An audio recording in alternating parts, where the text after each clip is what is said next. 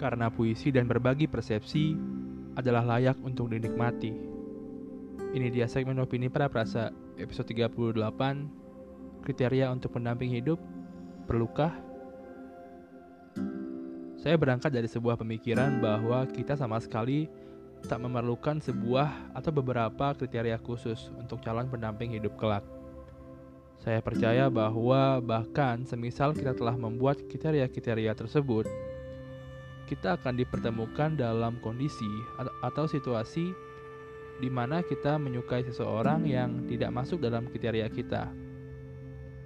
Dan saat itu, hati kecil mungkin akan berkata, "Dia lo bukan tipeku, tapi kok aku bisa suka ya sama dia?" Dan jawaban yang sangat mungkin diterima secara rasional oleh otak dan hati kita adalah, "Karena aku serak sama dia." Setidaknya itulah yang saya percaya hingga saat ini.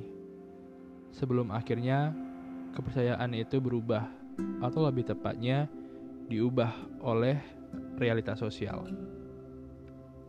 Saya baru menyadari bahwa hubungan cinta atau asmara bukan hanya dimiliki oleh kita, oleh kamu dan pasanganmu saja, tapi juga dimiliki oleh masing-masing keluarga kalian kelak.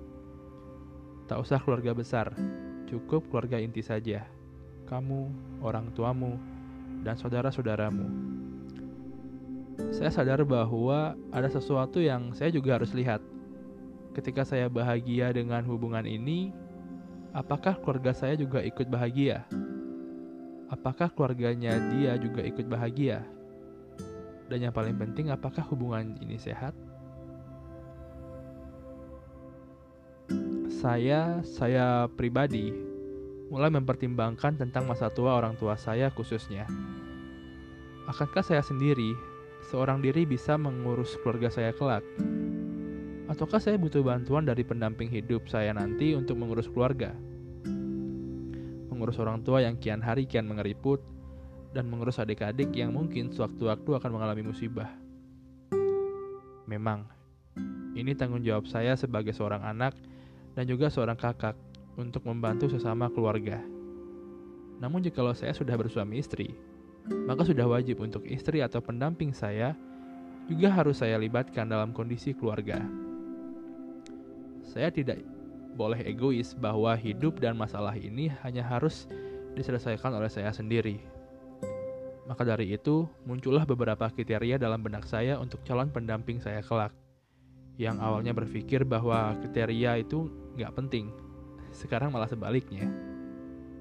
Saya mulai mencari pendamping yang tidak hanya mau menerima saya, tapi juga mau menerima situasi yang ada di keluarga saya nanti. Ibu saya pernah berpesan bahwa carilah pasangan yang mau membantumu mengurus bapak, ibu, ketika kami sudah berada di usia senja nanti. Dan karena kriteria yang saya miliki ini juga, sekarang saya jadi kesulitan memilih calon pasangan. Segala sesuatu pasti ada baik buruk dan plus minusnya. Makan pun memiliki resiko keselak jika kita tak minum air. Apalagi memutuskan untuk memiliki kriteria untuk pasangan, mungkin kita akan sedikit lebih lama untuk mendapatkannya. Tapi kalau kita sudah dapat, jangan dikecewakan. Karena hanya orang beruntung yang menikahi orang yang dia cintai. Jadi apakah kriteria untuk pendamping hidup itu perlu kalau saya perlu. Kalian? Sekian segmen opini kali ini. Terima kasih sudah mendengarkan. Enata Kusuma and Simon says, snap your fingers.